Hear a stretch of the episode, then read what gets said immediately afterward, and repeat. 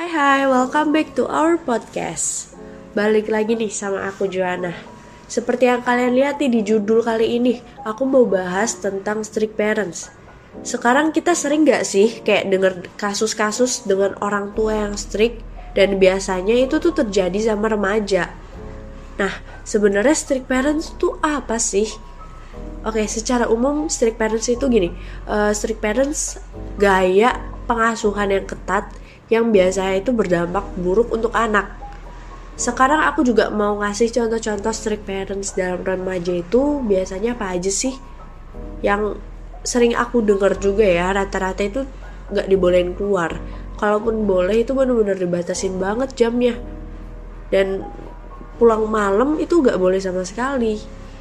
Izin juga harus jelas mau ke mana, jam berapa, sama siapa, dan lain-lain pokoknya banyak banget sih sebenarnya bentuk strict parents yang dihadapi remaja yang pada akhirnya justru ngasih dampak negatif buat anak itu sendiri. Salah satu dampaknya juga kita jadi pinter bohong dong sama orang tua. Tapi tunggu deh. Pasti orang tua itu ada alasannya dong kalau misalkan ngelarang ini itu atau misalnya kita mempunyai orang tua yang strict itu pasti ada alasannya dong beberapa penyebab orang tua membatasi ruang gerak dan aktivitas anaknya itu adalah uh, mungkin salah satunya salah satunya adalah orang tua takut anaknya tumbuh di tengah lingkup pertemanan yang gak baik atau yang bisa dikatakan nakal atau toksik ya. Gimana gak takut coba?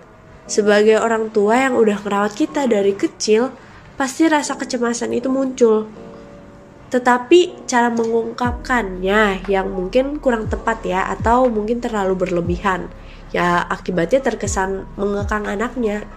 Tapi emang ada ya strict parents kalau misalnya kita udah jadi mahasiswa? Mungkin aku bisa bilang sebagian ada ya. Contohnya mau kerja kelompok itu tuh harus video call. Jadi tuh bener-bener kayak video call.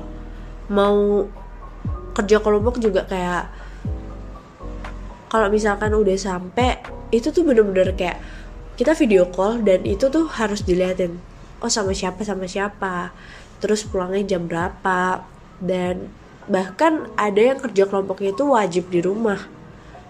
Ada juga yang udah mahasiswa nggak boleh kenal sama cowok. Ya sebenarnya strict parents itu bukan orang tua jahat dan gak ngertiin kita. Orang tua itu cuma mau menjaga kita. Dan balik lagi kayak yang aku bilang tadi mungkin caranya belum tepat sehingga kita terbiasa untuk membohongi orang tua.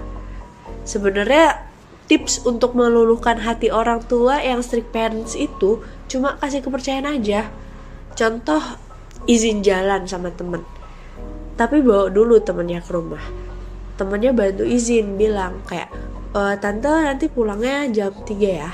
Nanti setengah tiga itu kalian tuh harus udah ada di rumah biar selanjutnya orang tua lama-lama akan percaya sama kita. Mungkin um, dengernya didengarnya enak ya.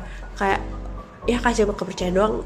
Gampang lah untuk diungkapkan untuk dibicarakan gitu. Tapi pas dilakukan susah.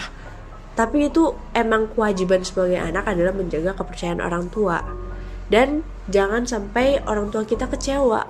Ya intinya mau gimana pun harus tetap jaga kepercayaan orang tua kita karena kalau udah sekali kecewa bakalan susah lagi orang tua buat percayanya. Ya kira-kira segini dulu kali ya podcast hari ini. Makasih yang udah setia untuk dengerin sampai akhir. See you di next podcast.